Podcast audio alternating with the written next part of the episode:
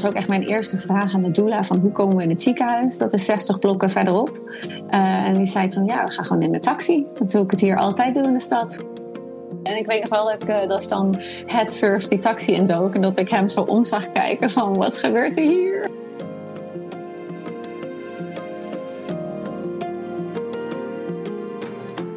Hoi, welkom bij seizoen 6 van Potnataal. De podcast waarin je bekende en onbekende vrouwen open en eerlijk over hun bevalling hoort vertellen. En waarom? Nou, heel simpel, omdat het gewoon heel fijn is om te horen hoe andere vrouwen hun bevalling hebben ervaren. Misschien helpt dat je een beetje in de aanloop naar je bevalling of de periode erna.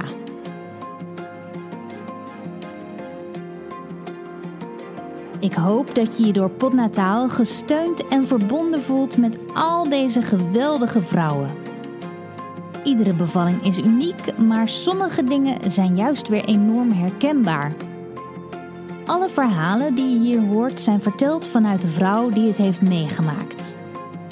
En weet, er bestaat geen blauwdruk voor een perfecte bevalling.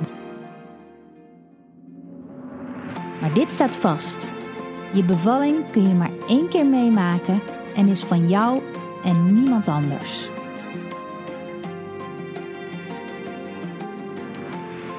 Ik ben Simone Wijnands, moeder van een zoon en een dochter en ik maak potnataal.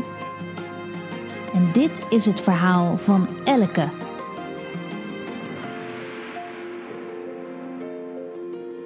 Ik ben Elke, ik ben 33 jaar. Ik woon in New York samen met mijn Engelse man. Ik werk in de mode en ik heb op 13 november 2019 uh, mijn zoontje gekregen, Reen.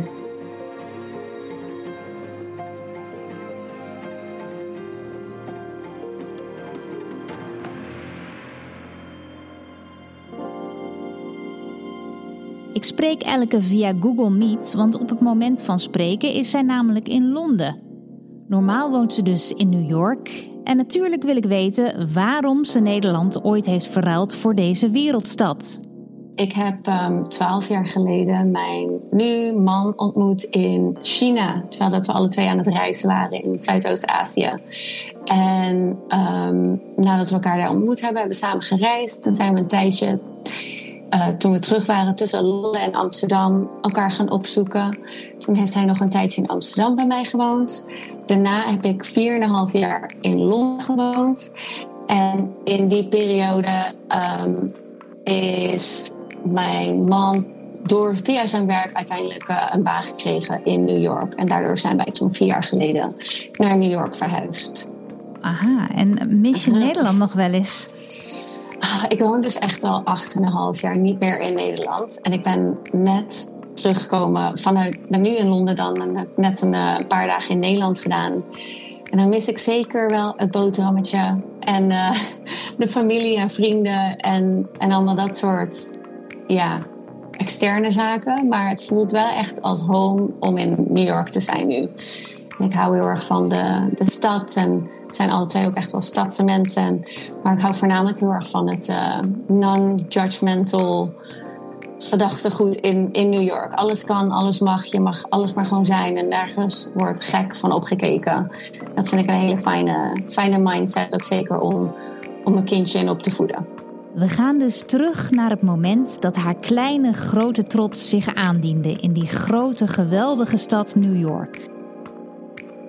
En sommige dingen gaan dan weer net even anders dan hier.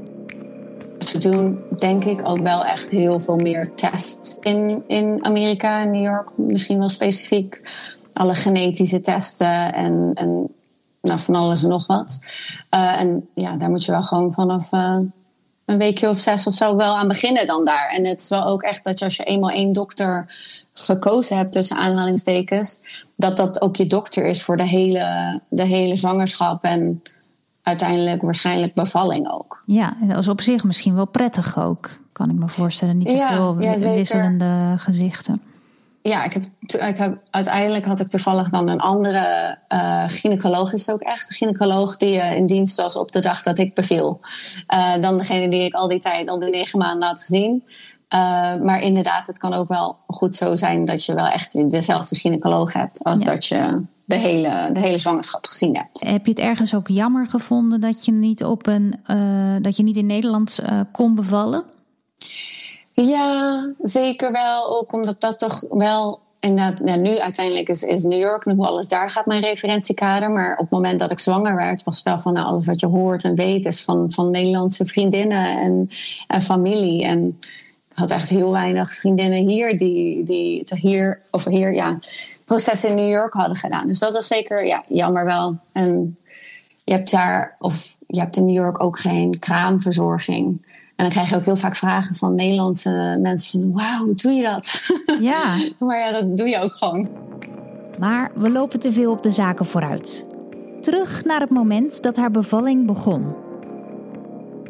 Ik was dus letterlijk nog aan het werk. In uh, New York heb je niet zulke dingen als uh, vier tot zes weken voor je uitgerekende datum stoppen met werken. Het is echt letterlijk gewoon doorgaan tot het einde als je dat wil. Uh, en ik had denk ik in mijn hoofd heel erg het gevoel van dat, hij, dat, dat mijn zoontje te laat zou komen. Of dat, zeg maar later dan de uitgerekende datum. En hij was uiteindelijk acht dagen te vroeg. Dus ik was echt letterlijk nog op werk. Een van mijn ene laatste dagen. Ik zou een week voor mijn uitgerekende datum zou ik, stoppen met werken. En het voelde alsof ik in me, een beetje in mijn broek plaste. en ik weet nog dat ik daarna op werk naar de wc ging en dat dacht, nou, oké, is het nat? Eh, wat is dit? En uiteindelijk dacht ik, nou, volgens mij is het wel oké. Um, en kort daarna was ik klaar met werken. En het was heel hard aan het regenen. En toen dacht ik, oh, zal ik een taxi nemen naar huis of zal ik de bus nemen? Het was, het was heel duur om met de taxi te gaan. Dus dacht ik, nou, ik ga gewoon in de bus zitten. En uiteindelijk, zeg maar, achteraf gezien, was ik eigenlijk gewoon al vol in, in, in weeën.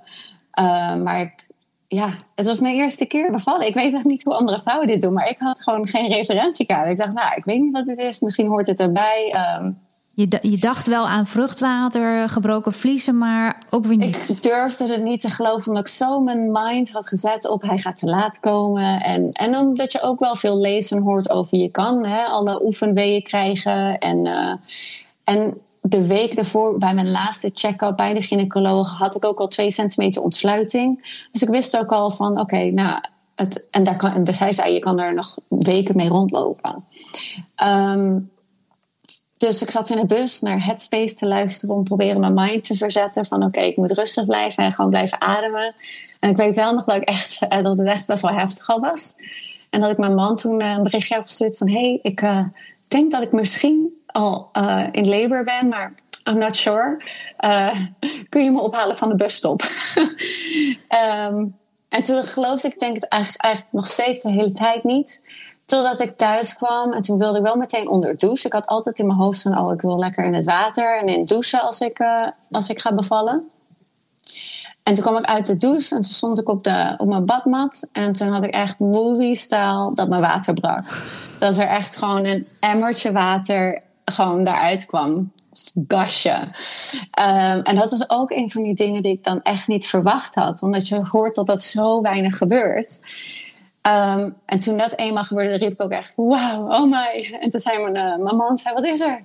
Ik, my water broke movie style. Vanaf dat moment weet Elke één ding 100% zeker. Haar kindje zal ze binnen nu en 24 uur in haar armen houden in uh, New York is het echt zo dat als je water breekt, dat het uh, binnen 24 uur wil is dan wel je baby al, al ten aarde brengen vanwege infectiegevaar. Dus op dat moment wist ik wel echt van, oh ja, oké, oh, binnen 24 uur uh, heb ik mijn baby vast. En dat was echt van, oh ja, oké, nu is het, now it's happening. En dan had je er ook echt wel meteen zin in? Of voelde je ook wel een soort van spanning nog van, oh jee, gaat het echt nu al gebeuren? Ik ben er nog helemaal niet op voorbereid. Nou, we hadden inderdaad wel echt letterlijk. Mijn, mijn man heeft me echt nog een, een, soort van klein uurtje gegeven om op te ruimen. Omdat we echt. Het, het was toch nog niet helemaal klaar. Het bedje was nog niet helemaal opgemaakt. En, uh, dus we hebben toen een klein uurtje hebben we even het huis een beetje opgeruimd. Terwijl dat ik echt al heel veel weeën gewoon had. Ik had op dat moment echt al elke, denk ik, zes minuten of zo weeën. Ik heb nooit een, een early labor gehad waar ik, waar ik 20 minuten rust had. Het was altijd al. Meteen flink. Al, ja. Uh, ja. Maar ik kon daar dan gewoon wel een beetje doorheen. Gewoon en, en het soort van negeren nog op dat moment.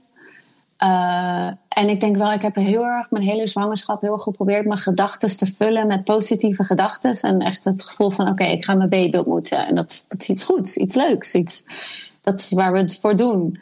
Um, dus ik denk dat ik vooral echt zeg maar mezelf, tegen mezelf zei: oké, ik, ben, ik, ben, ik heb er zin in. Ja. Let's go, let's do this.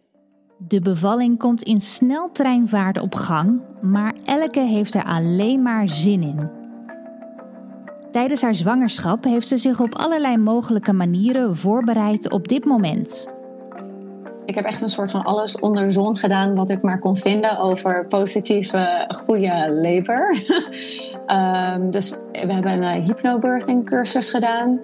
Um, en ja, dat hebben we ook echt wel heel veel geoefend, s'avonds in bed. Affirmations heb ik ook veel naar geluisterd. Ja, hypnobirthing ja, cursus. Je hebt gewoon afleveringen waar je dan een, is een half uur waar je naar kan luisteren. En dat je probeert te helpen om, om je in die, die state of mind te brengen. Um, maar ik heb ook, er zijn heel veel onderzoeken gedaan over dat je zes dagen per dag eet. Dat dat helpt met een uh, positieve lever. Dus ik zat elke dag mijn zes dadels te eten. En uh, boeken gelezen. Ik sportte ook echt nog heel veel, bijna tot einde. Ja, en werken dus. Want dat zat ik me nog af te vragen. Is dat, was dat niet veel te pittig? Want heel veel vrouwen hier, we hebben natuurlijk in Nederland gewoon het zwangerschapsverlof. Uh, ja best wel ruim. Uh, tenminste, vergeleken bij Amerika in ieder geval. En dat veel vrouwen dan toch wel zeggen op een gegeven moment van... nou, zeker toch al vier weken hè, dat ze die wel nodig hebben. Dat ze er wel aan toe zijn. Dat hoor je toch wel, hoor ik toch wel meestal dat, dat vrouwen daar echt wel behoefte aan hebben. Even die rust een paar weken voor de bevalling. Ja, dat kan ik me inderdaad helemaal voorstellen. En ik denk, ik keek ook echt wel uit naar die ene week die ik zou hebben... om, om inderdaad van alles te doen. Maar ja, het is ook, dat is ook gewoon mindset. Ik wist dat het niet ging gebeuren. En uh, New York is geen Nederland. Dus ik wist dat ik niet die vier weken had. En het ging echt, echt nog echt wel heel goed. Ik zou zeggen tot een week voor, voordat ik beviel. De week voordat ik beviel had ik even een soort van een kleine breakdown van oh poef. Toen werd ik heel moe ineens. En uh, andere lichamelijke mankementen. En toen dacht ik oké, nu, nu, nu ben ik er wel aan toe. En ja, en dan was het een soort van dat doorbijten, gewoon even dat laatste weekje werken. Ja, het moest, het moest gewoon een soort van, ja, dan is het ook oké. Het is inmiddels al avond en in sneltreinvaart maken Elke en haar man hun appartement nog even baby ready en ze bellen haar doula op. Volgens mij worden doula's ook meer een ding in Nederland, maar in, in, in New York vooral is het echt, echt wel een ding dat je een doula hebt. En dat was ook echt fantastisch. We hadden haar twee keer voor, ons, voor de bevalling ontmoet en alle geboortewensen mee doorbesproken. Um, dus we hebben haar, of mijn man heeft haar gebeld van oké, okay, El is in labor, de water is gebroken en uh, nou, waar ik was. En zij zei, nou ik bel je over een paar uur wel terug en dan kijken we waar je dan bent. Uh, en toen ben ik ondertussen ben ik in de woonkamer ben ik, op een yogamatje ben ik gaan liggen. En het fijnste vond ik echt om in een child's pose te, te, zitten. Met mijn benen soort van wijd, met mijn buik ertussen en dan vooruitleunend. En als ik dan een week krijg, dan had ik een, uh, een kussen hield ik dan vast. En dan uh, probeerde ik voornamelijk echt te relaxen. Echt um, die hele hypno-birthing mindset van ik moet mijn lichaam zijn werk laten doen. Mijn lichaam weet wat het moet doen. En ik moet gewoon rustig blijven en ademen en mijn gedachten niet op de oncomfortabele momenten verzetten, maar juist op, op, op ja, mooie gedachten. En ja, dus dat was ik voornamelijk heel gaan doen. We een muziekje in de achtergrond. Het was toen ook donker. Het was ja, november.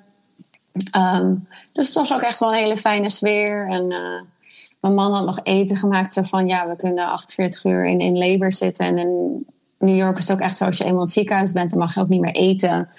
Maar ik heb echt geen, geen hap genomen. Het was echt, ik heb eigenlijk van de, van, van start af aan, zeker toen ik dan eenmaal op de grond lag, had ik echt elke drie tot vijf minuten al, al um, weeën. En dat was op iets van twee uur ja. nadat mijn water brak. Elke zweeën zijn behoorlijk onregelmatig. Haar man stelt voor om de doula toch weer op te bellen om te overleggen. En die zei toen wel van oké, ik denk dat ik wel nu naar jullie toe kom. Want het klinkt wel dat het, eh, dat je wel, dat het wel hè, wat sterker allemaal wordt. Ja. Um, en toen hebben we ondertussen ook het ziekenhuis gebeld. Want die moet je dan wel vooraf uh, zeg maar, soort van vertellen van komen we er bijna aan of, of het is gaande. En het ziekenhuis had er heel snel door dat, dat, die wil, dat ik zo graag mogelijk zo lang mogelijk thuis wilde blijven. Uh, dit vooral in verband met dat ik zo weinig mogelijk interventies wilde. In New York is ja, interventies wel echt heel groot. Volgens mij is één op de drie bevallingen wordt een C-section, keizersnede. En überhaupt, ja, het blijft uiteindelijk daar dat er heel veel geld wordt verdiend aan, aan elke ingreep. En um, als je die wil vermijden, moet je, wil je eigenlijk zo, zo lang mogelijk het ziekenhuis vermijden. Ja. Um, Best heftig eigenlijk ook wel, hè? Ja, ja. ja, ik vind het nog steeds zo... Ja, het is zo'n vervelende gedachte wel ook. Dat je daar dan... Hè, dat ik die überhaupt die gedachte had van... als ik in het ziekenhuis terechtkom, dan willen ze me van alles aanpraten. Uh, om maar geld te verdienen. Uiteindelijk viel het echt reuze mee. En dus toen mijn man... Toen mijn man de, het ziekenhuis belde en met de gynaecoloog uh, sprak die had toen al heel snel door dat dat mijn wens was. En die zei toen ook van oké, blijf maar zo lang mogelijk thuis. En die, die gaf volgens mij toen aan van blijf maar thuis totdat je iets van twee uur achter elkaar regelmatig weeën hebt. En de standaard is eigenlijk dat ze zeggen oh, van um, als je elk een uur lang uh, gelijk, gelijk, gelijkwaardige weeën hebt. Elke is dolblij als haar doula er is.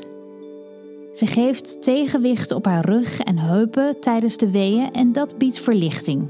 En mijn man zegt nu nog steeds van eigenlijk vijf minuten nadat zij binnenkwam, lag ik een soort van in een zijligging op mijn zij, liggend op de grond, uh, proberen relax, te relaxen in elke wee. Um, ja, zij kon echt dat tegengewicht geven, wat heel fijn was tijdens die weeën. Um, en daar hebben we, ja, dat was ook zoiets dat ik, omdat ik zo erg zo in mezelf gekeerd was, heb ik heel weinig besef gehad van tijd. Ik weet wel dat ik heel vaak heb gedacht van, I want an epidural. Ik wil een ruggenprik. ik wil een ruggenprik. Ik wil een ruggenprik. Maar ik heb het nooit uitgesproken. um, en ik ben er gewoon doorheen gegaan. Echt zeg maar met de go with the waves.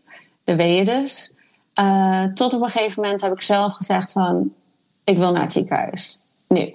Ja. Um, en, waarom, weet je nog waarom dat, dat moment er opeens was voor je, voor je gevoel? Nou, ik denk dat dat, dat gevoel er al een soort van uren was. uh, maar dat ik het dus nooit heb gezegd. En dat ik misschien ook wel een soort van stiekem aan het wachten was. Tot mijn man of de doula zou zeggen van... Hey, is het niet eens tijd? Maar zij waren heel erg dus aan het wachten op mij. Totdat ik het zei. En ja, ik kan niet me herinneren dat er per se iets was. Ja, uiteindelijk denk ik dat ik toen al gewoon in, in die transitieperiode was. Als Elke haar verzoek om naar het ziekenhuis te gaan eindelijk uitspreekt, zijn de spullen binnen vijf minuten gepakt om te gaan. Want haar doula heeft inmiddels ook wel het gevoel gekregen dat het erg snel gaat nu. Alleen, hoe kom je het snelst in het ziekenhuis in een stad als New York als je geen auto hebt? En dat was ook echt mijn eerste vraag aan de doula: van hoe komen we in het ziekenhuis? Dat is 60 blokken verderop. Uh, en die zei toen: ja, we gaan gewoon in de taxi. Dat wil ik het hier altijd doen in de stad. En uh, op zich was het ook helemaal prima. Ik denk dat het uh, half elf, elf uur s'avonds was op dat moment. En we hebben toen een taxi gebeld. En het was wel echt een soort van: ik had nou ja, elke paar minuten denk ik toen al weeën. Dus het was echt zeg maar de deur uit uh, liftknopje indrukken, dan een wee opvallen, vangen en dan twee weeën in de lift. Op, ik woon vier hoog naar beneden. En het was echt de deur open houden om nog een wee op te vangen. En uh, toen dan in de taxi ben ik een soort van uh, head first ingedoken. ben ik gaan liggen. um, En, uh, en toen was het gelukkig rustig op de weg. Dus we waren er echt binnen 10 minuten. En, en de taxichauffeur, wist, ja, wist hij dat hij een bevallende vrouw moest gaan uh, vervoeren? Of, uh? Ik, nou, hij wist het van tevoren niet. Het was gewoon een Uber of een lift. maar volgens mij heeft de doula toen wel meteen zeg maar, een raampje open van... we hebben een bevallende vrouw bij je. En ik weet nog wel dat ik dat dan head first die taxi indook. En dat ik hem zo om zag kijken van wat gebeurt er hier? Die dacht, mijn bekleding, dacht hij. Ja, het was een leren auto, leren bekleding. ja. Elke kruipt op een rolletje op de achterbank. Ze krijgt het allemaal wel mee wat er gebeurt, maar tegelijkertijd is ze ook heel ver weg. Dat zijn wel de kleinere momenten dat ik een soort van bij bewustzijn was in die zin. Dat ik dan hem zag omkijken.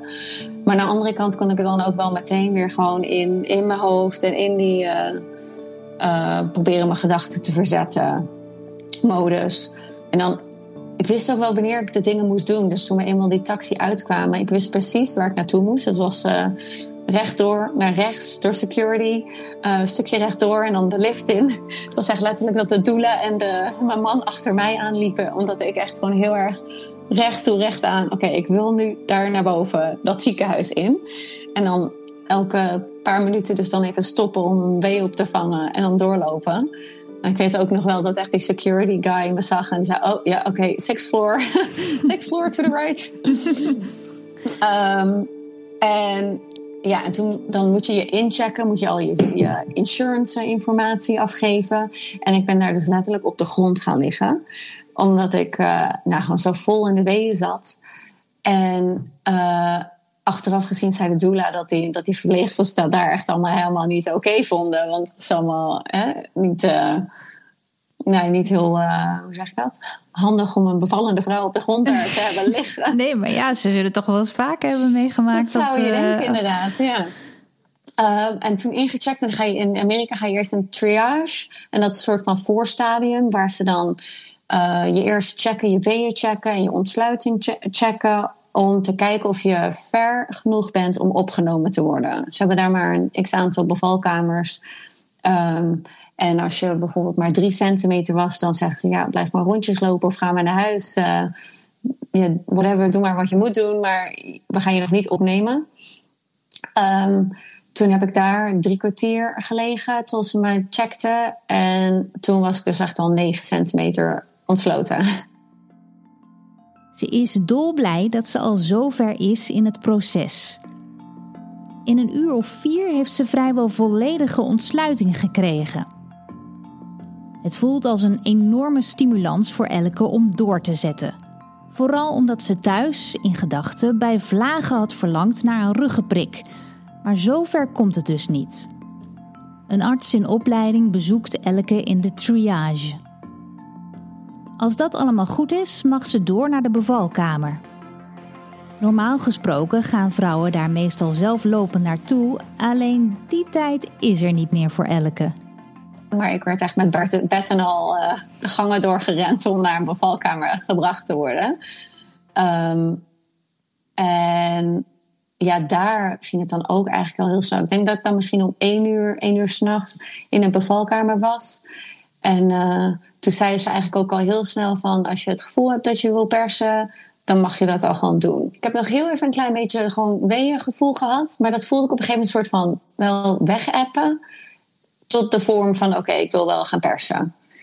Um, en het hele persgedeelte heb ik wel echt het, als het moeilijkste ervaren.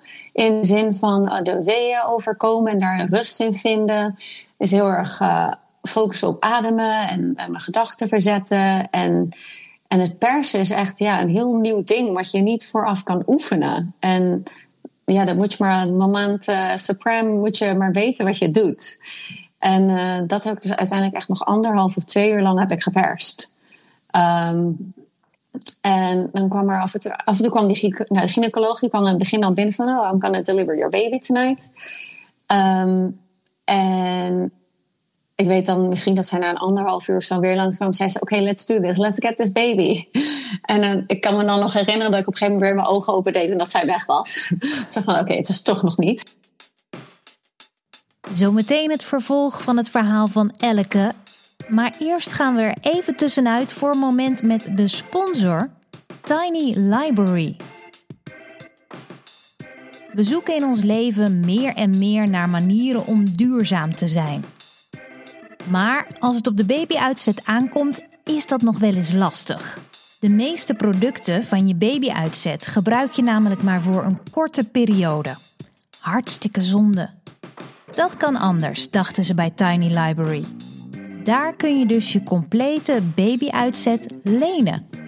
Alle producten zijn echt als nieuw en van mooie duurzame aanmerken. Kijk maar even op de site tinylibrary.nl. Ik liep laatst met mijn dochter in de bibliotheek en die wilde echt alle boeken in haar mandje gooien. Nou, dat gevoel dat had ik een beetje bij Tiny Library. Alleen, uh, ja, ik heb geen baby meer. Maar goed, des te meer mooie spullen blijven er voor jou over om te gaan lenen. Alles wat je wil gebruiken, komen ze bij je brengen en halen als je er weer klaar mee bent. En het mooie is dat andere ouders er dan weer blij mee worden gemaakt. Dat is fijn, want dan kun je van die zolder tenminste een leuke speelkamer of kantoor maken in plaats van een opslagruimte.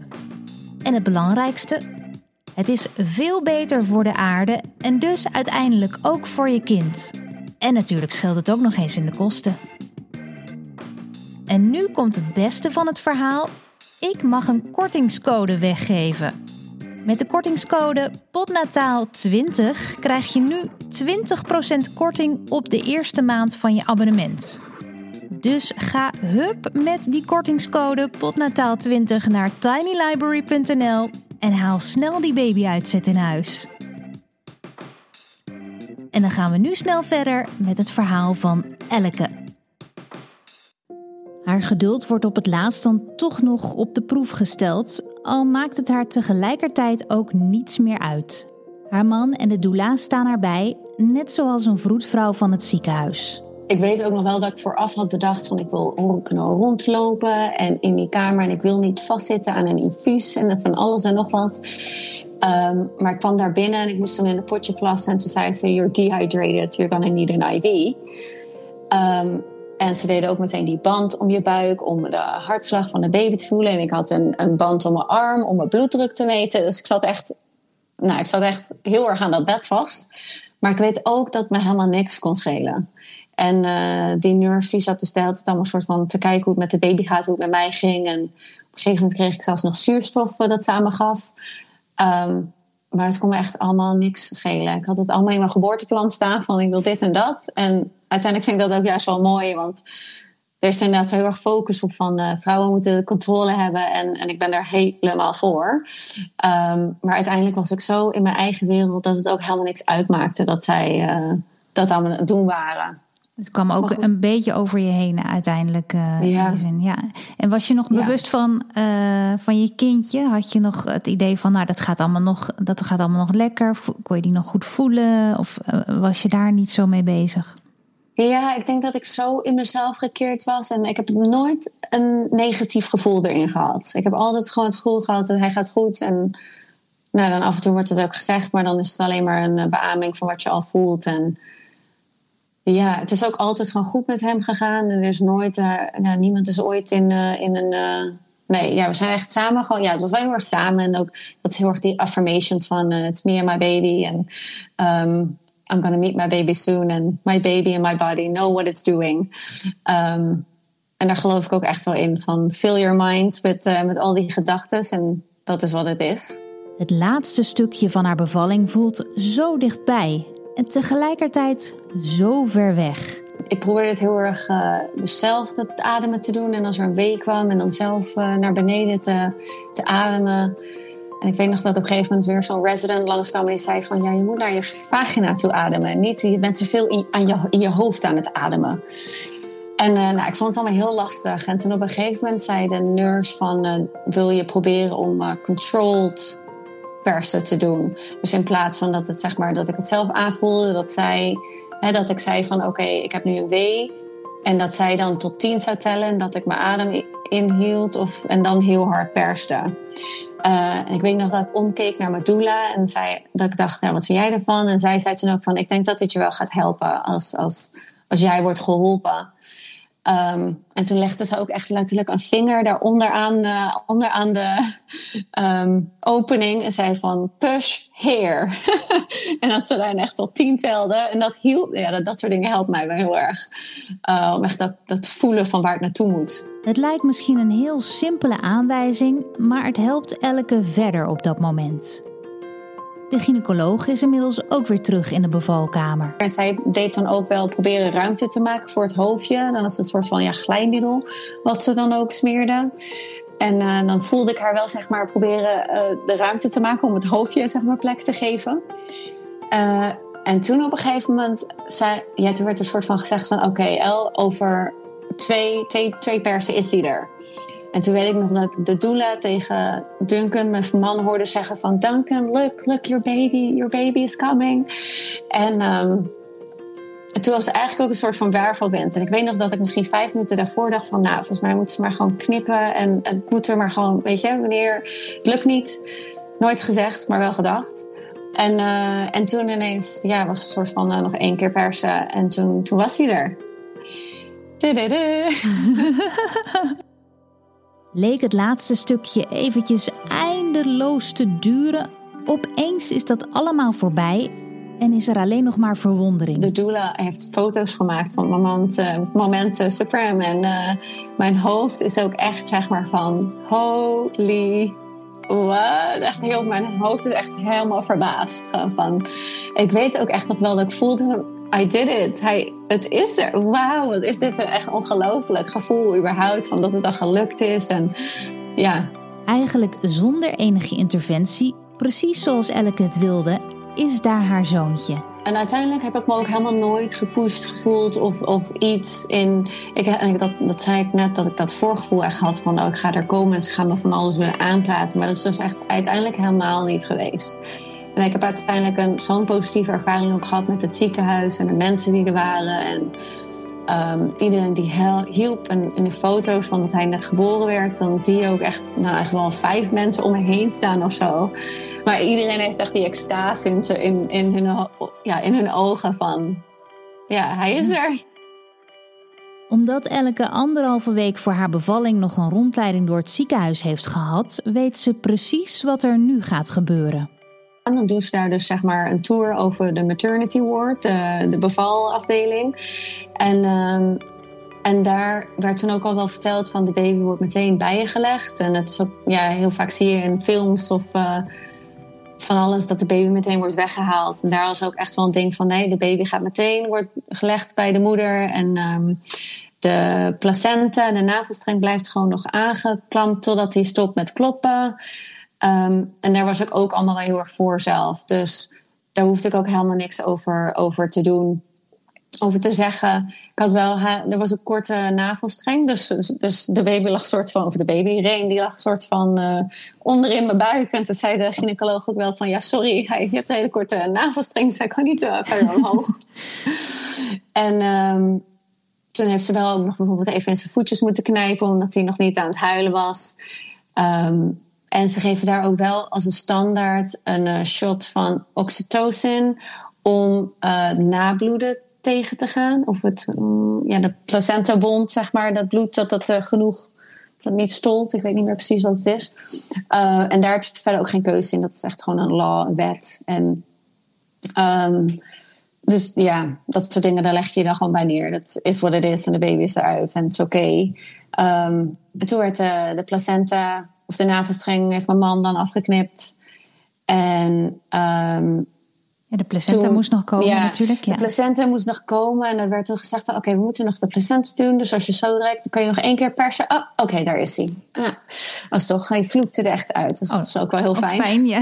Hoef je daar niet meer zo mee uh, bezig te zijn. Nee, inderdaad. En wat, wat dacht je toen je hem voor het eerst zag en, en voelde en rook? Hoe was het? Ja, echt pure extase. Uh, zo emotioneel wel op zoveel levels. Het is echt wel van, oh, ik heb echt ja, dat je, ik voelde ook echt heel erg wel van, oh, we hebben het echt samen gedaan. De Reen en ik, de baby en ik. Hij, ja, zo. En ja, mijn man erbij. En, nee, ja, en ook gewoon ook echt wel heel erg van, ik kan het niet geloven. Het voelt zo bizar dat echt, nou, uiteindelijk was de hele bevalling dus van, van begin tot einde maar negen uur. Dus uh, dat ik negen uur daarvoor of tien uur daarvoor zat ik nog op werk. en dan ineens heb ik mijn baby in mijn armen. Ik kan nog steeds, zeg maar, als ik mijn ogen dicht doe, kan ik nog dat voelen, dat lichaampje dat je dan op je hebt liggen. En um, de doula, die was, dat is ook een lactation consultant, een uh, borstvoedspecialist. Dus die hielp ook meteen met het aanleggen. En hij begon ook meteen te drinken.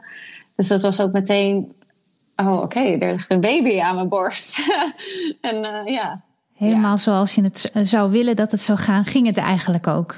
Precies, en, maar ook wel gewoon echt de dingen die dan niet gingen zoals ik het bedacht had, maar oké waren. En het maakte niks uit dat het anders was. En dat is ook wel juist het hele mooie dat je een heel bevalplan kan hebben. Maar uiteindelijk zegt iedereen ook altijd van het gaat toch afwijken. en daar de rust in vinden en het niet ja, het gevoel hebben van ook oh, had dit net anders gewild. Helemaal niet. Gewoon tot helemaal goed zoals het was. Met Rain gaat het hartstikke goed, gelukkig. Ze geven je daar normaal een uur meteen. Ze geven ze eigenlijk zo van: oké, de baby blijft. Kan een baby kan gewoon een uur bij de, de moeder blijven voordat we testjes gaan doen.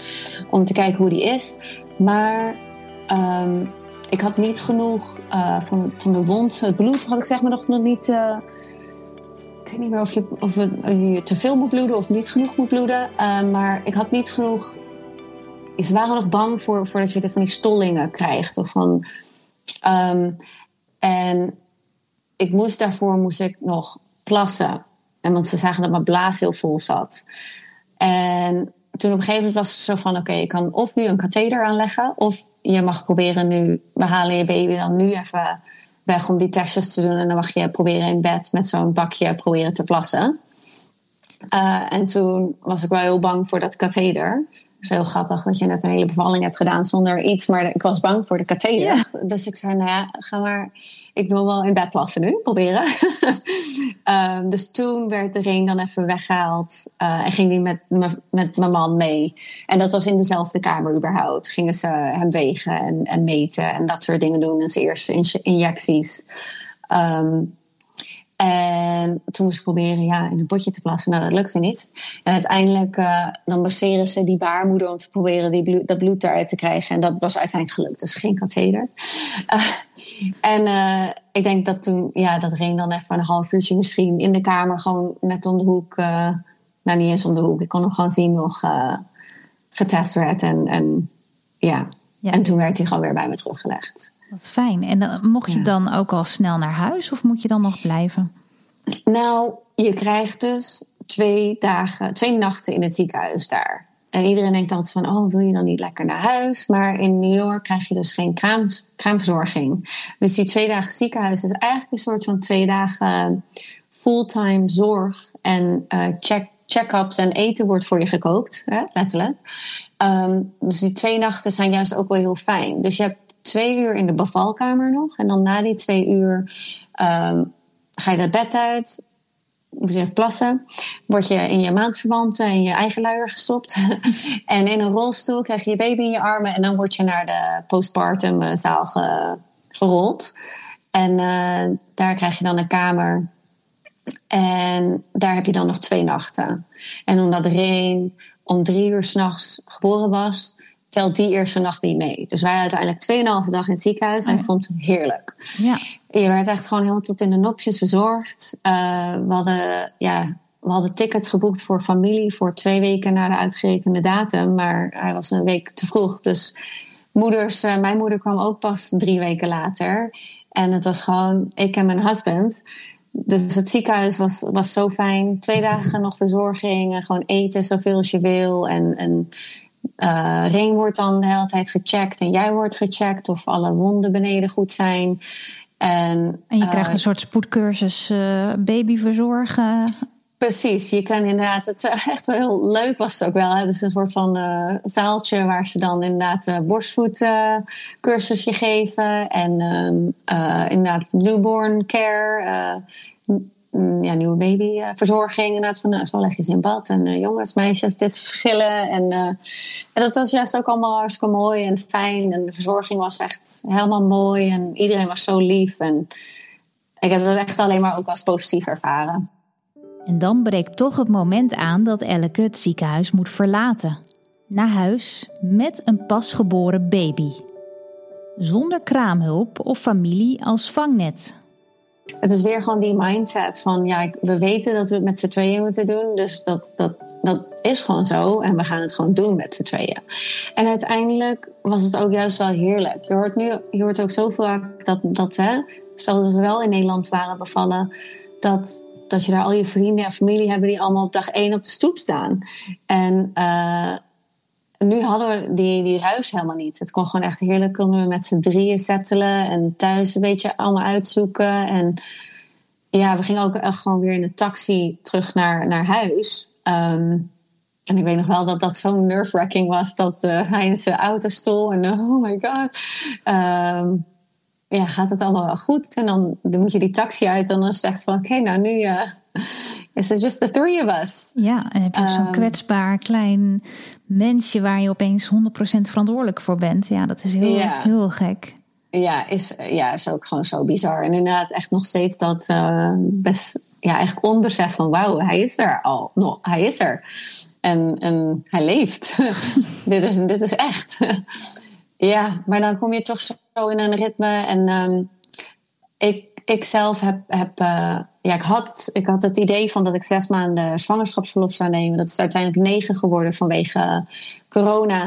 Um, en dat was, het meeste daarvan was onbetaald. Je krijgt van de staat krijg je twaalf weken.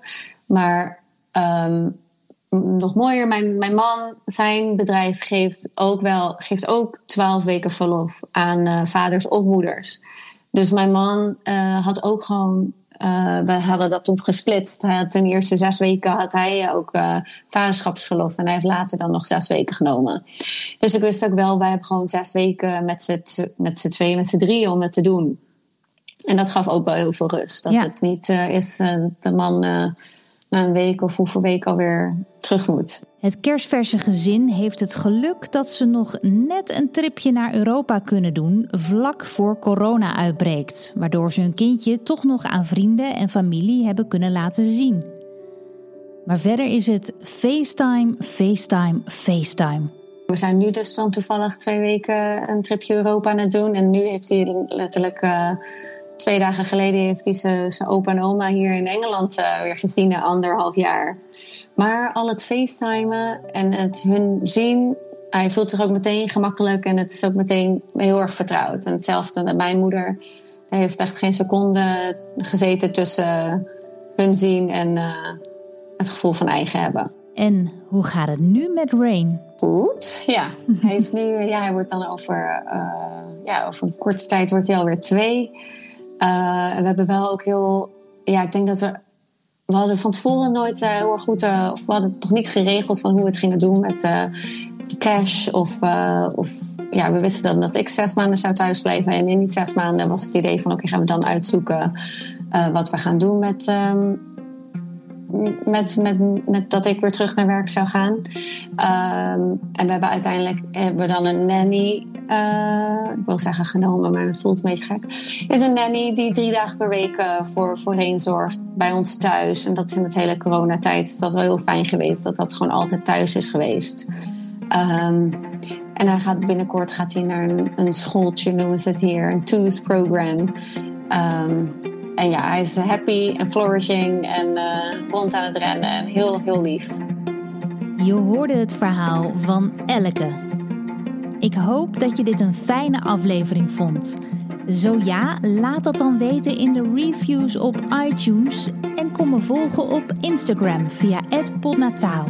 En vertel natuurlijk al je zwangere vriendinnen, buurvrouwen, nichtjes en zusjes over deze podcast. Mij persoonlijk volgen kan ook via Instagram, Simone Wijnands heet ik daar.